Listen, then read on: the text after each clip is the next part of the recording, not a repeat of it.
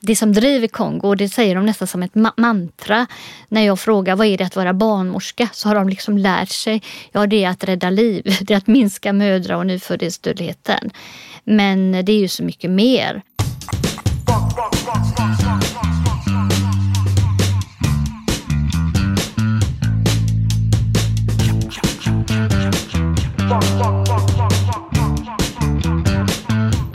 Välkommen till Akademiliv, podden från Sahlgrenska akademin som är den medicinska fakulteten vid Göteborgs universitet.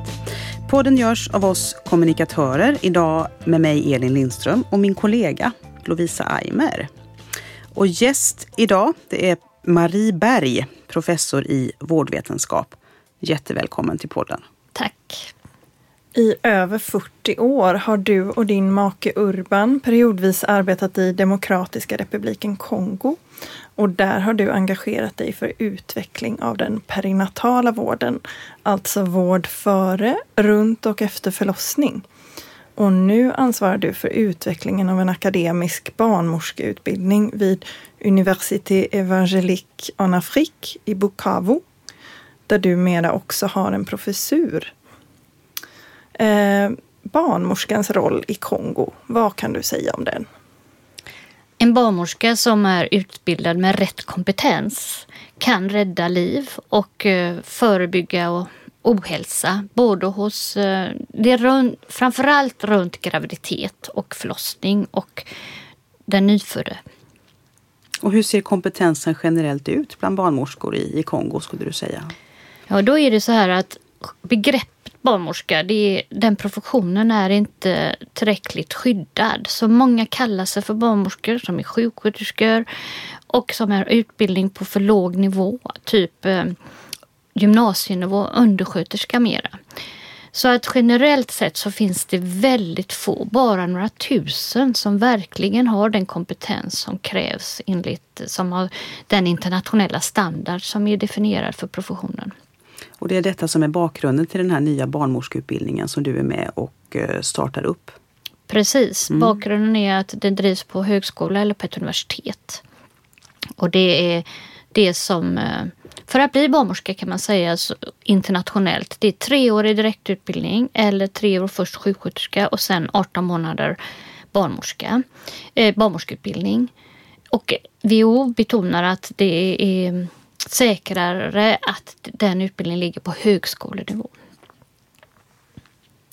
Um, första kullen med studenter de skrevs in i höstas på den här barnmorskeutbildningen som du är med och utvecklar. Vad är det här för studenter som går utbildningen? Ja, först måste de uppfylla kriterier. De är alltså sjuksköterskor på högskolenivå. Just den här första kullen så är det precis som att det finns väldigt många som stått och blivit medvetna om att de är ju inte barnmorskor på riktigt fast de kanske har jobbat som det. Som jag sa att de, de har förstått att de inte har den kompetensen. Och därför så den just första kullen är väldigt speciell. Många arbetar, de kanske är chefer på förlossningsenhet, de kanske jobbar centralt i provinsen, alltså motsvarande Västra Götaland med att, med att utveckla vård. Så det är en väldigt erfaren grupp Ehm, Ehm, det här ehm, upplägget för den nya utbildningen, det, det, låter ju spontant som att den påminner lite om vår svenska utbildning. Alltså vi, man utbildar sig till sjuksköterska först och sen så bygger man på med den här specifika barnmorskekompetensen. Precis, så är det. Och eh, man har då i Kongo sedan tio år ungefär eh, medvetet utvecklat den det stråket att barnmorskor ska utbildas på högskolenivå. Antingen tre år direkt, det har man haft lite längre, och nu sedan några år den här påbyggnadsutbildningen. Och det är som du säger, det vi har i Sverige, det är ju också de internationella professionella kraven ska ju vara globala på något sätt. Mm. Och samtidigt parallellt förstår jag så fortsätter den här utbild utbildningen av, av barnmorskor eller vad man säger fast på, på gymnasienivå. Precis. Eh, det är ju eh, typiskt Kongo att man säger så här ska det vara och samtidigt kan man inte stänga ner det som inte är rätt utbildning. Ehm, I den här utvecklingen då av, av utbildningen, vad är, vad är din konkreta roll? Vad är det du har gjort och vad är det du fortsätter att göra för utvecklingen av den här högskoleutbildningen för barnmorskor? Det har ju varit en lång process. Jag har ju varit i Kongo jobbat med Kongo i 41 år nu exakt. Eh, så att sedan 15 år så hade universitetet bestämt sig för att vi ska starta vad de kallar då paramedicinsk utbildning, varav barnmorska, alltså de icke-läkarutbildningarna då. Så jag var på min första konferens eh, 2008 jag har tjatat varje år sedan jag blev själv medveten om att barnmorskorna inte hade rätt utbildning. Många år, till och med innan dess. Sen lämnade jag det spåret. Sen plötsligt bestämde universitetet att nu, nu är det dags att starta utbildningen och det var typ för två år sedan. Min uppgift var då, är att, att säkra den. För jag är ju den så, enda som är professor och eh, är barnmorska finns ingen annan professor som är barnmorska i Kongo för övrigt. Men på universitetet där, där jag arbetar så, som jag nämnde då, så finns det ju läkarutbildning sedan många år. Och det finns flera gynekologer. Men jag är ju då den som får förmånen att leda denna utmanande utbildningen. Kvalitet. Och i det ligger ju precis som i Sverige lika viktigt. Stor del av utbildningen är ju att göra som vi kallar i Sverige verksamhetsförlagd utbildning. Så det är ju också att parallellt faktiskt se till att den verksamhet, de sjukhus som studenterna praktiserar på håller tillräckligt hög nivå. Det, det låter ju som en väldigt eh, alltså en roll full av, av spänningar kan man säga. Alltså som professor, barnmorska, kvinna hur, hur funkar det liksom? Hur, hur blir du bemött? Mm, det, nu har jag jobbat i Kongo länge och professor har jag varit eh, sedan typ tio år, kanske lite till. Det har gett mig en helt annan position. Att, och då är dessutom ska vi veta att i Kongo blir man professor så fort man har disputerat. Så man har tre nivåer av professor och då är jag ju ordin, professör ordinär. Det är liksom, det motsvarar när man är professor i Sverige. Det har gett mig en helt ny plattform Eh, så att min man brukar säga jag gillar inte en massa titlar. Han kallas ju också professor fast han är så att säga bara en PhD. Men jag, för han har ju haft en självklar plattform som man och läkare. Han har varit sjukhuschef och så vidare. Men jag har ju inte haft den tidigare.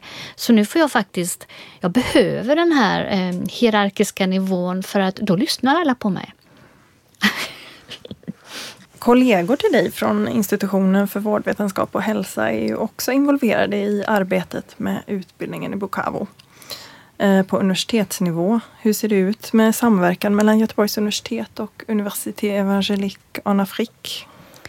Vi har ett memorandum of understanding, vad kallar vi det, samarbetsavtal mellan Göteborgs universitet och mer konkret Sahlgrenska akademin och eh, motsvarande fakultet på universitetet i Kongo. UEA brukar jag säga, det är lite svårt med det långa namnet. Det har vi sedan över tio år. Och det som vi vet, det är ju liksom en plattform för att göra olika samarbeten. Så vi har, om vi tittar bakåt nu, så har det varit utbyte, till exempel biomedicinska programmet var där. Jag var en, en, hade ett spår när bibliotekarie var ute. Det var många år sedan nu för att eh, introducera det här med att söka på nätet, litteratur. Och vi, en stor, viktig produkt om man får säga så, är att en utav läkarna, barnläkare knuten till Panzisjukhuset, var doktorand här och disputerade för några år sedan. Det var inom eh, virologi, bakteriologi och eh, jag tror det var institutionen för medicin. Jätteroligt.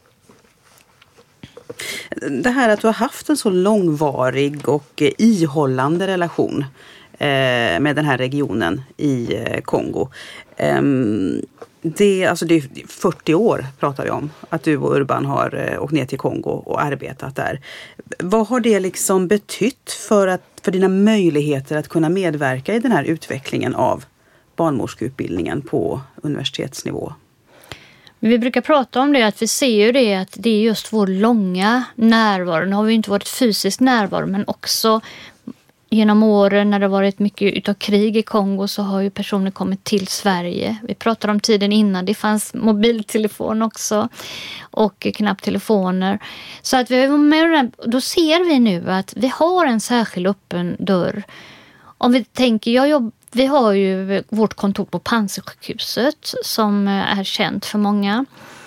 Och där finns det ju nästan en turism av organisationer som kommer dit och alla är intresserade för Panzisjukhuset är känt för vård, särskilt efter sexuellt våld. Mm. vad vi då är, då kallas de kanske part, de kan vara partners och de kommer eh, jag kallar det lite turism för många är liksom intresserade just dit vi ska. Men det finns ju massa andra sjukhus. Mm.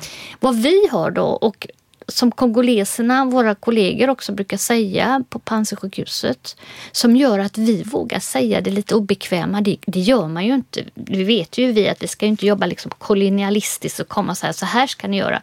Men vi har en öppen dörr och i deras språkbruk så kallar de oss mer då för föräldrar, om man lyssnar på föräldrar. Så de, vid ett tillfälle vi hade för något år sedan när vi diskuterade strukturen på Panzisjukhuset som inte, och ordningen i förråd. Då, då kunde så, så, sa till och med administrativa chefen att ja, men vi lyssnar på er för vi känner att ni har Kongo i ert hjärta. Ni har varit här länge. Ni är som våra föräldrar, ni är inte som partner som kommer och går. Du, du, sa det här att det ska inte vara kolonialistiskt. Eh, det kan man ju förstå. Men hur skulle du vilja beskriva den kommunikationen som du har? Hur, hur, eh, mm, hur tänker du kring ditt eget uttryckssätt?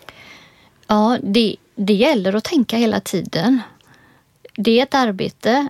Det finns i det här landet, precis som i andra länder som har, blivit, har den historien med kolon, att vara en, en eh, sådan stat. att nu är det nästan ibland lite omvänd rasist. Alltså, så att jag har ingen sån här pedestalroll utan jag får tänka mig för.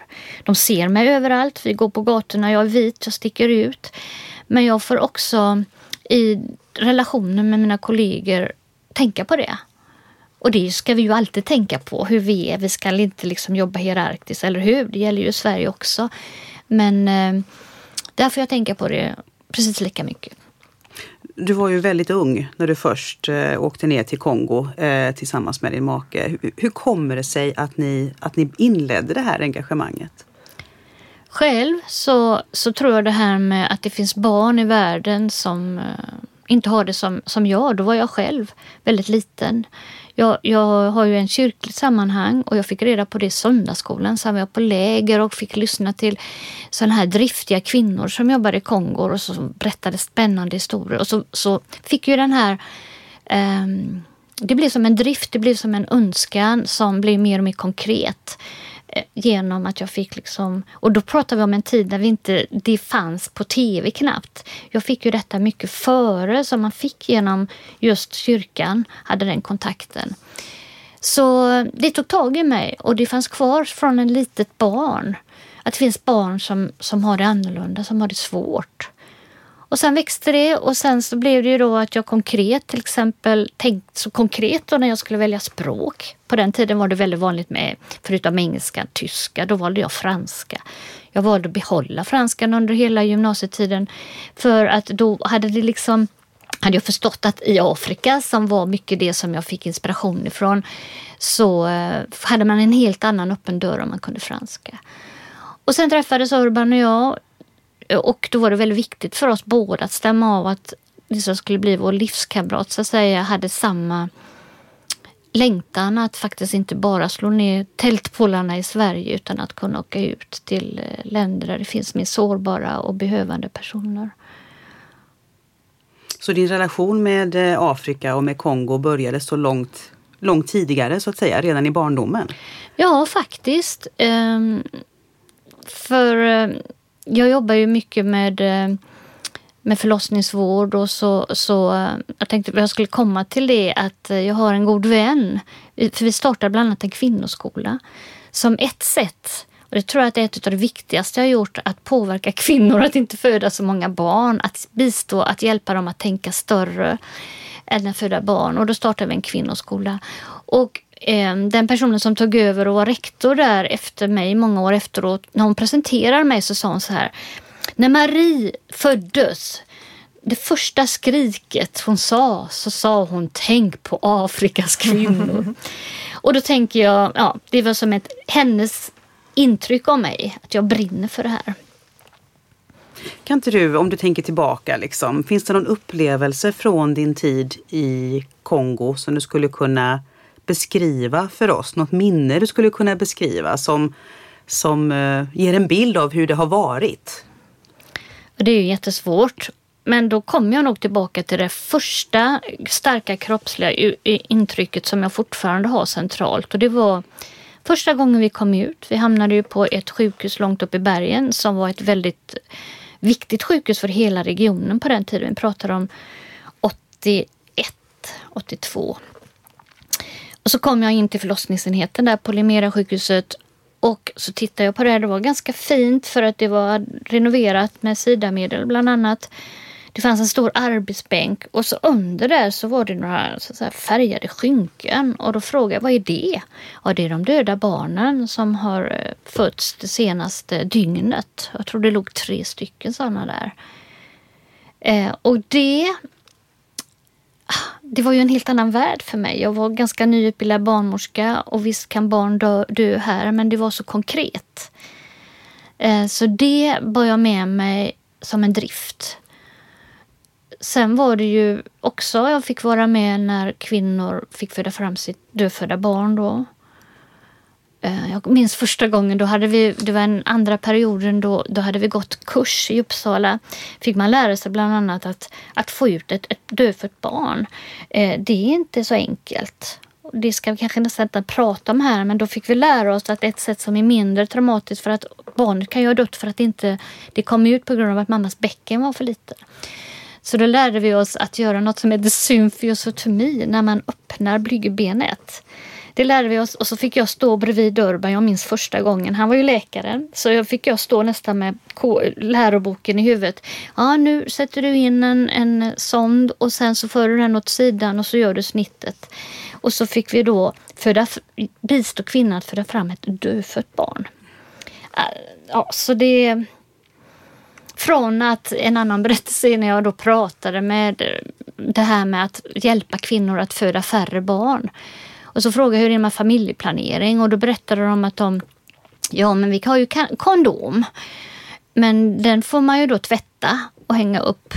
Ja, det var lite grann. Det var länge sedan. Men eh, det där kommer jag ihåg fortfarande och det har drivit mig. Mm.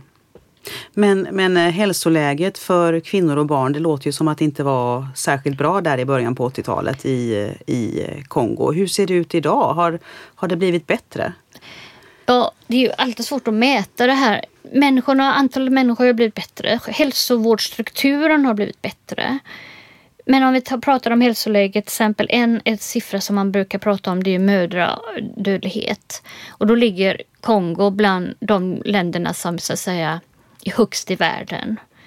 Man har inte exakta siffror och vi vet, men om man pratar om folkräkning och så, så den senaste riktiga var faktiskt för snart tio år sedan och då pratar man om att näst, 850 kvinnor av 100 000 dör. Det är, och eh, på 100 000 och motsvarande Sverige så som det är kanske 115 000 som föds barn så kanske det är 5-6 som dör.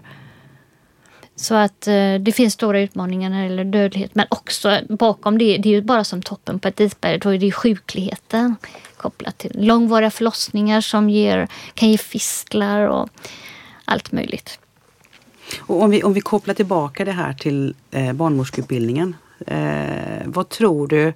Nu är ju den här helt nystartad och det är en av regionerna i, eh, i eh, Kongo. Men det finns ju en, en vilja och en, eh, en drift att vilja utveckla barnmorskornas kompetens. Eh, vad tror du att det skulle kunna betyda? Vad kan det ha för mening i, i det här sammanhanget? Ja, vi, vi kan ju grunda oss på den internationella debatten och också vet, det finns till och med teoretiska modeller som räknar ut och ganska nyligen en sådan artikel i, i Lancet där man menade att eh, eh förloss, alltså födande, den sexuella reproduktiva hälsan, om, om, om barnmorskor finns som har kompet, rätt kompetens, måste vi lägga till. För det finns ju sådana som kallar sig barnmorskor som inte har rätt kompetens. Men ändå att då kan det rädda miljoner av liv, eh, framförallt mödraliv då, men även nyfödda per år globalt. Och det gäller ju också i Kongo. Så konkret, det som driver Kongo, och det säger de nästan som ett ma mantra.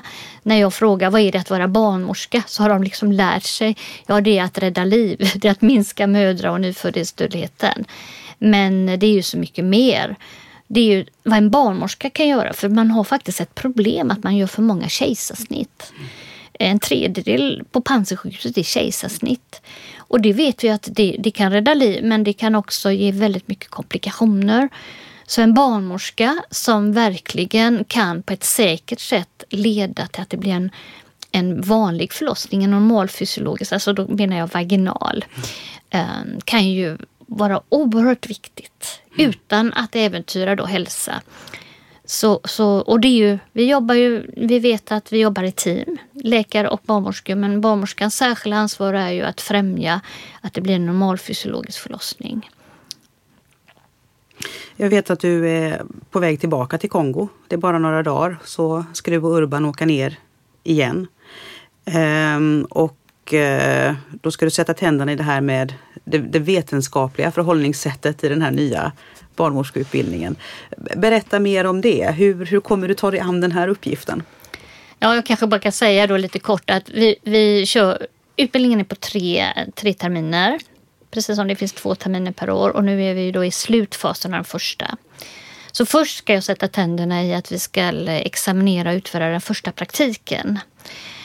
Eh, och så ska jag också sätta tänderna i att se till att vi liksom avslutar första terminen. Det är mycket med att skapa tentor och rätta tentor och få lärare att leverera tentafrågor. Det är tufft. Sen när vi har gjort det och liksom stängt av första terminen och förhoppningsvis fått igenom de flesta, de är ju cirka 30 den här första kullen. Då i andra terminen, in, under den, säga, de här dryga två månader som vi åker ut, då kommer vi bland annat att sätta igång vetens, en vetenskaplig kurs. Och det blir en utmaning. Jag har inte nämnt det men allting sker ju på franska. Mm. Och eh, visst kan man, ni vet, det är som att utveckla kurser här och det har jag ju jobbat med. Men eh, nu ska jag göra det i den kontexten och, och, det är en utmaning. Och också sätta igång dem till att börja söka litteratur på nätet.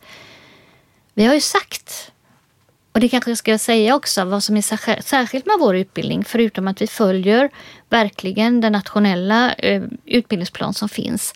Det är att vi har sagt lite kaxigt att vi ska ha en, och det har vi också, vi ska ha en profil av personcentrering. Och eh, vi har också en profil av att jobba ännu mer med simuleringsmaterial. Både på campus och på klinikerna. Så det är en utmaning som jag gör nu när jag kommer ut. Vi ska ha en kurs där vi ska utbilda representanter från varje sjukhus, de här fem, där de, att bli um, facilitatorer för att använda material som ska vara så att säga som ett stöd för studenterna. Att de både när de har patienter men också ska kunna använda det bedside nästa. Så det är en stor utmaning. Så det är mer än att, att skapa en vetenskaplig eh, kurs. Det här med fokuseringen på personcentrering.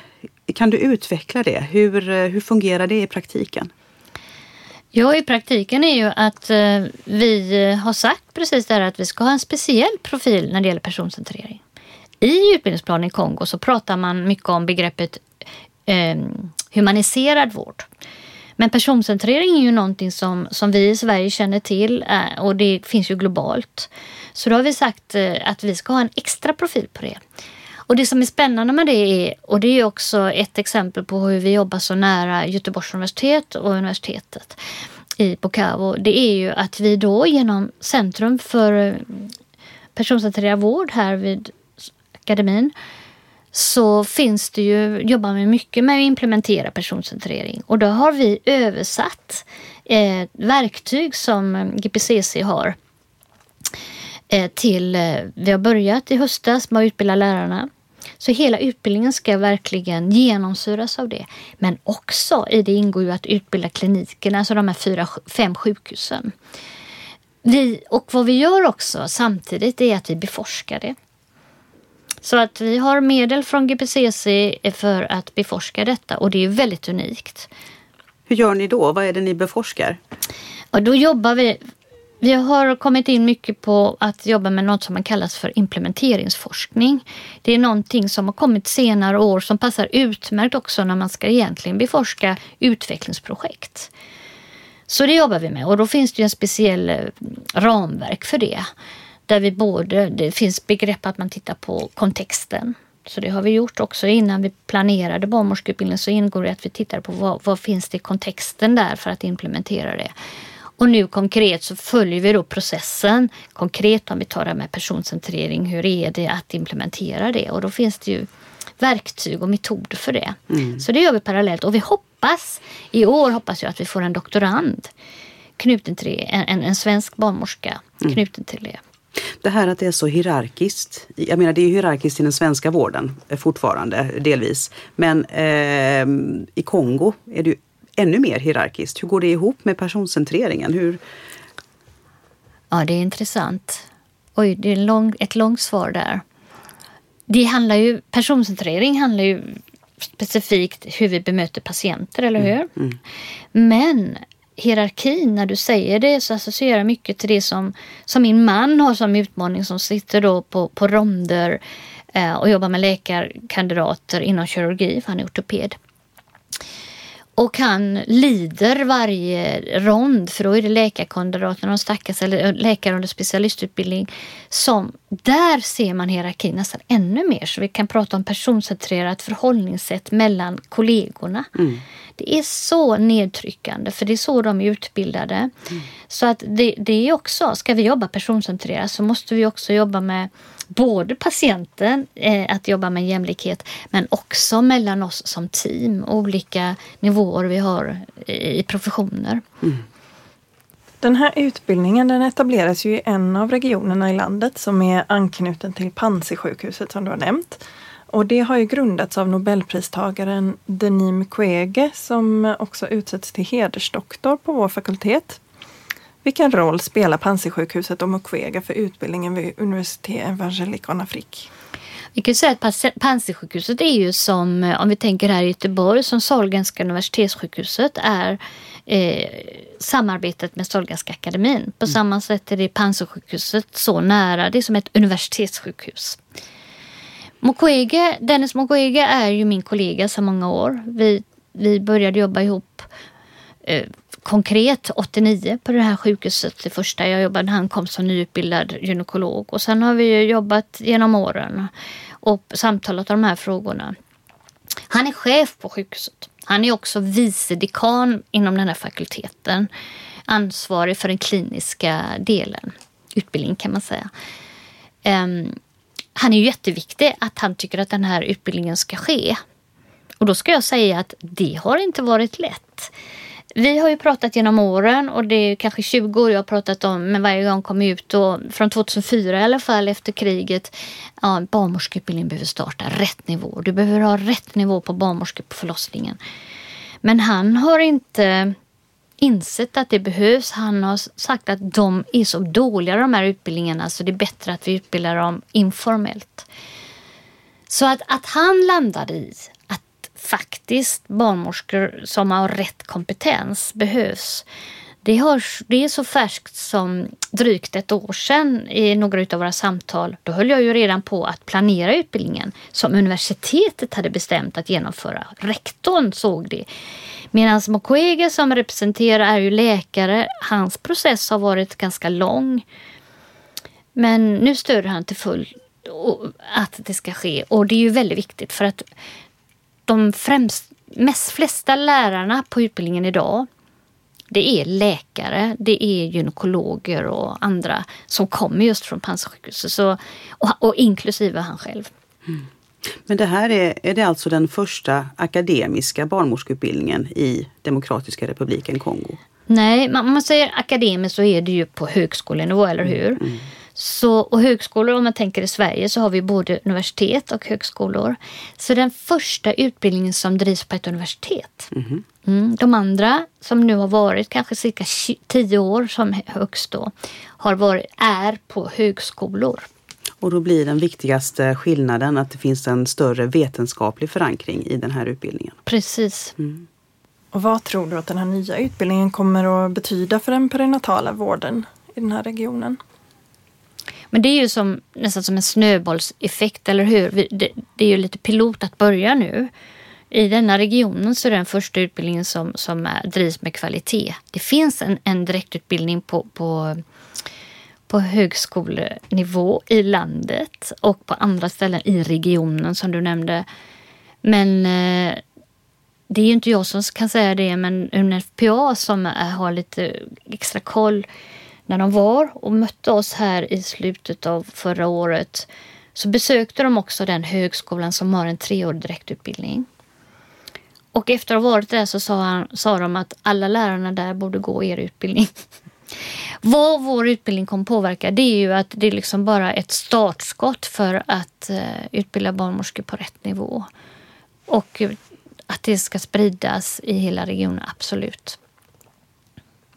Alltså om det här hade varit ett annat land, om det inte hade varit Demokratiska republiken Kongo, då hade ju Göteborgs universitet säkert skickat studenter eh, till universitetet och, och, inom det här samarbetet som du och dina kollegor på institutionen för vårdvetenskap och hälsa har.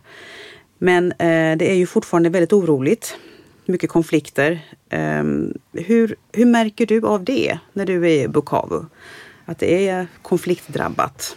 Du menar i min vardag? Mm. Ja, eh, vi eh, får ju känna av och lyssna av varje dag hur det är. Urban och jag, vi bor uppe på eh, universitetet. Eh, det är kanske två, tre kilometer från den fakulteten, medicin och folkhälsa där vi arbetar och sjukhuset. Vi har valt att promenera. Många biståndsarbetare de åker ju bilar men vi tycker om det. Vi får känna av varje dag. En dag när vi går där så, så är vägen avstängd. Eh, det är ett väldigt vanligt sätt att demonstrera genom att tända bildäck. Och ehm, då kanske, för vi blir ofta hämtade i bil på morgonen för det är ganska lerigt. Och då kanske vi inte kommer fram för att det. En gång för ett drygt år sedan då fick vi faktiskt fly. Då sköts det i hela Bukavu. Orsaken till den eh, kräver kanske sin egen podd men det är ju det här med mineraler och alltihopa. Så man ordnade en, eh, ett, ett, ett oro i hela stan. Och eh, då fick vi ju fly eh, från där vi bodde på, på kullen och, och, då hämtade de oss från sjukhuset. Det tryggaste stället var, var på sjukhuset. Eh, jag, eh, vi får, vi, jag nämnde att vi har fem sjukhus som barnmorskestudenterna gör praktik.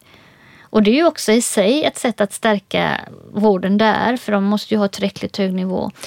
Och där är det faktiskt så här att två sjukhus ligger i norr, Goma och söder och Vira. Det är mer än 30 mil emellan. Och jag har fått välja noga om jag kan hälsa på där. Så det var först nu i, i november som jag och Urban vågade ta resan ner till söder. Vi måste lyssna av varje dag och kolla, eh, vågar vi åka? Så, så det, det, lever vi med. Och eh, i princip ska vi ha en väska packad. Det där har jag ju fått leva med sen vi kom första gången men eh, ni vet, jag har inte riktigt en väska packad men jag måste ha det medvetenheten och när vi för ett drygt år sedan flydde så fixade jag ihop en väska. Så det lever vi med i vardagslivet. Och hur känns det? Är ni rädda? Um, det är en svår fråga. Vi har ju ändå valt att åka och vi har ju väldigt mycket kontakter. Vi har där, ni kan höra på tv, men vi har ju våra kontakter och det är ju till exempel Panzisjukhuset, universitetet. Vi jobbar också väldigt centralt i en kyrka som har som är, det är ju så här att samhället har struktur men det är inte samhället som driver. Det är väldigt mycket Eh, andra privata instanser, inte minst katolska och protestantiska samfund. Och vi är kopplade till en sån som har mycket mer information. Så vi får ju hela tiden förhöra oss med våra kontaktpersoner. Um, så jag är inte dagligdags rädd, det är jag inte. Vi kan ju vara rädda i Sverige också, eller hur? Men jag har ju ändå valt att eh, åka till ett land som man egentligen avrådde från att åka. Och vad är det som driver dig att göra det? Men det finns ju, i, i, som jag nämnde då, som jag ändå har visat uttryck tydligen att jag skriker tänkt på Afrikas kvinnor och barn. Men det finns ju i mitt hjärta. Men det blir ju någon slags, inte hatkärlek, men visst, jag kan ju välja. Precis som vi alla kan välja, för jag kan inte ta in all, alla behov som finns, eller hur? Eh, men jag vet ju också då att ju längre vi har varit där, desto mer kan vi göra, just kanske bara vi, för vi har den här långa erfarenheten. Och då är det ju svårt att eh, säga nej, jag gör det inte längre. Men jag ska säga till er att när jag kom hem nu i december så sa jag till min man, jag orkar inte på det här stället. För att, att driva en utbildning det är något annat än att jobba allmänt med kvalitetsförbättringar som jag har gjort länge. Eh, för man ska leverera. Eh, men nu ska jag åka igen och jag har ju hämtat lite kraft. För jag vet ju att eh, kommer inte jag så just nu finns det ju ingen annan i min funktion. Och, och jag, får göra, jag får göra vissa delmål. Nu tänker jag första delmålet är att barnmorskeutbildningen, första kohorten ska gå ut och då pratar vi om våren 2024. Eh, för att tänka hur länge ska vi hålla på? Det är jobbigt, för det är ganska tröttsamt. När jag, åkte hem, när jag kom hem sist nu så hade jag amöba i tarmen, parasiter. Det är ju sånt där som man också drabbas av. Men vi kan ju bli sjuka i Sverige också, eller hur? så ja, det var ett långt svar på vad som driver mig. Men det är ju ett val jag har gjort från alltid att inte bara blunda utan tänka, vad kan jag göra? På den vägen är det. Marie Berg, jättestort tack för att du kom till eh, podden. Vad kul att ha dig här. Eh, Lovisa, kul att göra det här tillsammans med dig. Det här var Akademiliv, eh, podden från Sahlgrenska akademin, eh, Göteborgs universitet. Eh, tack till dig som har lyssnat också. Och vill du kontakta oss som gör podden då kan du mejla till akademiliv. Hej då! Hej då!